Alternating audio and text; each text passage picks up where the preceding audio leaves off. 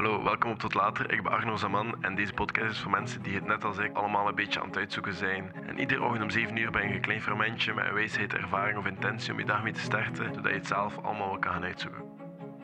Ik kijk naar video's van mensen zoals Casey Neistat of Dan Mays of whoever. En ik zie dat die zo immens creatieve dingen doen. En min of meer ben ik daar een beetje jaloers op. En dan denk ik, kan ik op dat level geraken?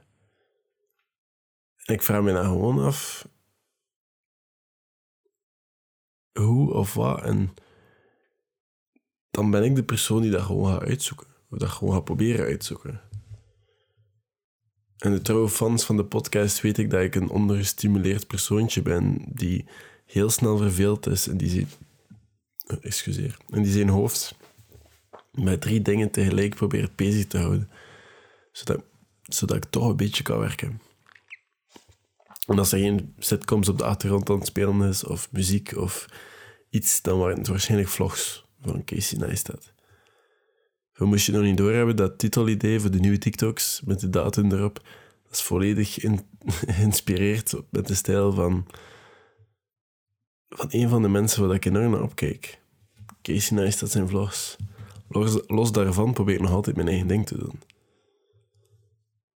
Tegenwoordig is alles wat ik doe bijna gericht op ik die beter kan worden als persoon. Of alles wat ik doe, betere video's, betere content, betere podcast, beter bedrijf, beter student, whatever. Maar ook gewoon om in alles wat ik doe ook goed te worden. Ik kan gewoon niet anders, dat is wie dat ik ben. Maar bijvoorbeeld in het tweede middelbaar, toen ik sport studeerde in het ateneum van Oostende, moesten we bepaalde afstand onder water zwemmen. Nu, ik viel liever flauw onder water dan dat ik niet op einde geraakte voorbij mijn klas, waar dat zij ook zwemden. En geloof me, als er één sport is wat ik echt niet graag doe, dan is dat zwemmen. Surfen is een ander verhaal, maar zwemmen...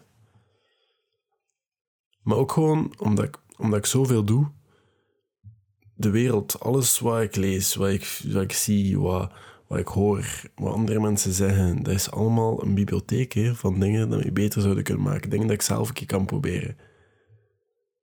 Of dingen dat ik doe. Ik ben iemand die altijd dingen deelt met mensen. Van, ah, ik heb dat zo proberen oplossen. Het is niet gelukt, maar misschien nee. Maar mensen doen dat bij mij ook vaak. En dan denk ik van, ah, misschien moet ik dat gewoon een keer proberen. Of misschien moet ik het een keer zo doen. Want ik heb niet het antwoord, hè. Ik heb niet het antwoord, maar iemand anders misschien wel. En je vindt alleen door dat uit te proberen. Alles. Je kan echt uit alles leren.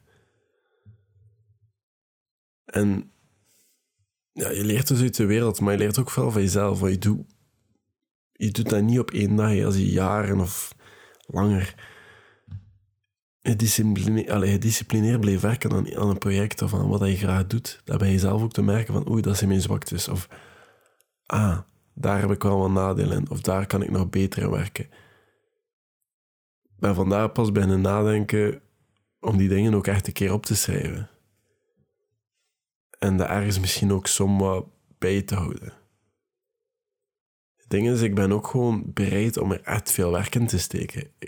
Ik, ben veel zo, maar ik ga ook wel moeten zeggen, als ik niet geïnteresseerd ben, ga ik er waarschijnlijk ook niet veel voor doen. En ik hoef niet in alles ook zo te zijn, hè. Maar als ik het wil, wees maar zeker dat ik achter je kom zijn. Of voor je. De laatste week durfde alleen maten, maar wij hebben, hebben zo'n aparte groep eh, op Messenger, denk ik, even te klimmen. Ja, Messenger. En ze durven dat soms te verzetten van, ah ja, morgen gaan we trainen. En weet je, gaan we dat niet morgen doen, vandaag met die regen of whatever. Of overwerken, want tegenwoordig moeten veel mensen overwerken en ik snap dat. Maar ik ben dan iemand die zegt van ja, is goed, morgen ga ik mee. Maar ik ga vandaag de workout doen en ik doe dan morgen opnieuw met jou. Zo zit ik in elkaar. En ben nu ook terug opnieuw voor de tweede keer Can't Hurt Me van David Goggins aan het lezen. Eh, dat was het eerste self-help boek dat ik ooit gelezen heb en ik ben het nu opnieuw aan het lezen. Ik vind het terug geweldig. Maar daarin staat er ook een stukje, en ik zit er nog niet, maar ik weet het wel, daarin staat er een stukje Taking Souls. En in dat stukje, daar gaat het een beetje over who's gonna carry the boat? Who's gonna carry the boat? Boat crew. Allee, die crew en dan de nummer, maar ik weet het niet meer wat het was. en extra energie uit, uithalen uit het feit dat anderen het niet verwachten. Of gewoon hun soul, zo gezegd, nemen door je, je volledig te geven, dat extra eruit te scheppen. Ook al is dat alles dat je hebt, zodanig dat ze morgen waarschijnlijk er nog mee bezig zijn. Omdat je gewoon alles gaf. Meer dan ze verwacht hadden. Veel meer dan ze verwacht hadden. En jij bent daar niet mee bezig, maar je weet dat dat geval is. Maar je doet met die energie gewoon meer en je stopt niet. Want er is geen finishlijn en dat is net. Je gaat nog lang in een hoofd rondspoken, waar je hebt de soul gepakt. Maar jij hebt die energie gebruikt. Die motivatie van, damn, het is me gelukt. En je gaat verder. En daar is een beetje, ja... Dat noemde ik gewoon klootzakkerij een beetje, maar... Dat mag soms zo erg overkomen dan dat is. Het werkt en ik, ik, ik vind dat echt niet erg als je dat doet. Als je er mee doet, ik haal, daar, ik haal daar ook veel uit als iemand dat bij mij dan denk ik, ah shit, nee, je gaat niet vandaag zonder mij gaan klimmen. Of ah nee, je gaat dat niet doen. Ik ben gewoon een competitiebeestje. En ik weet dat dat averechts werkt op veel mensen, maar misschien is deze podcast dan niet voor jou. I don't know. Maar ja, Taking Souls is iets goed, denk ik. Volgens mij is dat echt iets goed. Maar dat heeft ook nadeel. Nee, want relaties met mensen lijden ook soms hè, onder dat competitief zijn, onder die competitieve ingesteldheid. Want alles is een spel. Alles moet je kunnen winnen. Ik ben, ik ben vaak zo. Bijna altijd. En ik weet dat dat, vermoeiend is. Maar ik ben vaak zo met mezelf. Maar relaties op zich, die gaan daar ook onder lijden. Hè. Want bijvoorbeeld vandaag, ik had heel veel schoolwerk, dat moest gewoon gedaan worden waardoor dat ik hier nu nog altijd zit om 11 uur 30, bijna 12 uur, een podcast op te nemen op een zaterdagavond. En hierna ga ik nog een YouTube-video van morgen editen. Ja, morgen komt er een nieuwe YouTube-video, dus kijk daar maar naar uit. Ah ja, vandaag. Je gaat dat vandaag. Vanavond om 6 uur ga je dat kunnen bekijken. Um, ik bedoel maar, ik zit hier op een zaterdag zaterdagavond, terwijl ik waarschijnlijk kon chillen met een paar maanden of whatever dat mensen doen op een zaterdagavond. Maar dat is niet zo. En ik weet dat ook. Ik verdien hier niks mee. Qua social zijnde of ervaringen, ik heb dat al gezegd. Ik wil het goed doen. En dat is al. En dat doe ik het liever goed. En mijn, mijn ma weet dat ook wel. Ik ben daar soms ook. Maar vaak ook gewoon niet. En goede maten dus, noods pik je erin wat je weg bent gaan. Een van mijn allerbeste maten heb ik nu al, denk ik, twee jaar niet meer gezien of gehoord. En die gast is veel gestoorder dan ik. En eerlijk, ik weet niet of dat, of dat, of dat die ooit zou terugkomen of ik terugkomen. Of... Maar ik weet dat we alle twee zouden willen dat dat, dat, dat direct terug opgepakt wordt, dat dat lukt. Maar al die tijd daartussen is verloren. Hè? Dat moet je wel weten. Al, al dat ertussen is verloren. Hè? En ik ben bijvoorbeeld super hard op mezelf. En ik weet dat ook omdat ik niet zo gefocust ben als de mensen naar wie dat ik opkijk. Maar wie ben ik om mezelf daar weer mee te vergelijken? Ik ben dan bijvoorbeeld ook hard op mezelf als ik zie wat ik vorig jaar heb uitgespookt en niet heb gedaan. En ik had het gevoel dat ik dingen niet genoeg gedaan heb of dingen niet gedaan heb of niet gedaan heb wat ik zou kunnen gedaan hebben. En dat is een extreem kutgevoel. Maar dat is misschien wel voor een andere podcast, want daar kan ik heel veel over zeggen.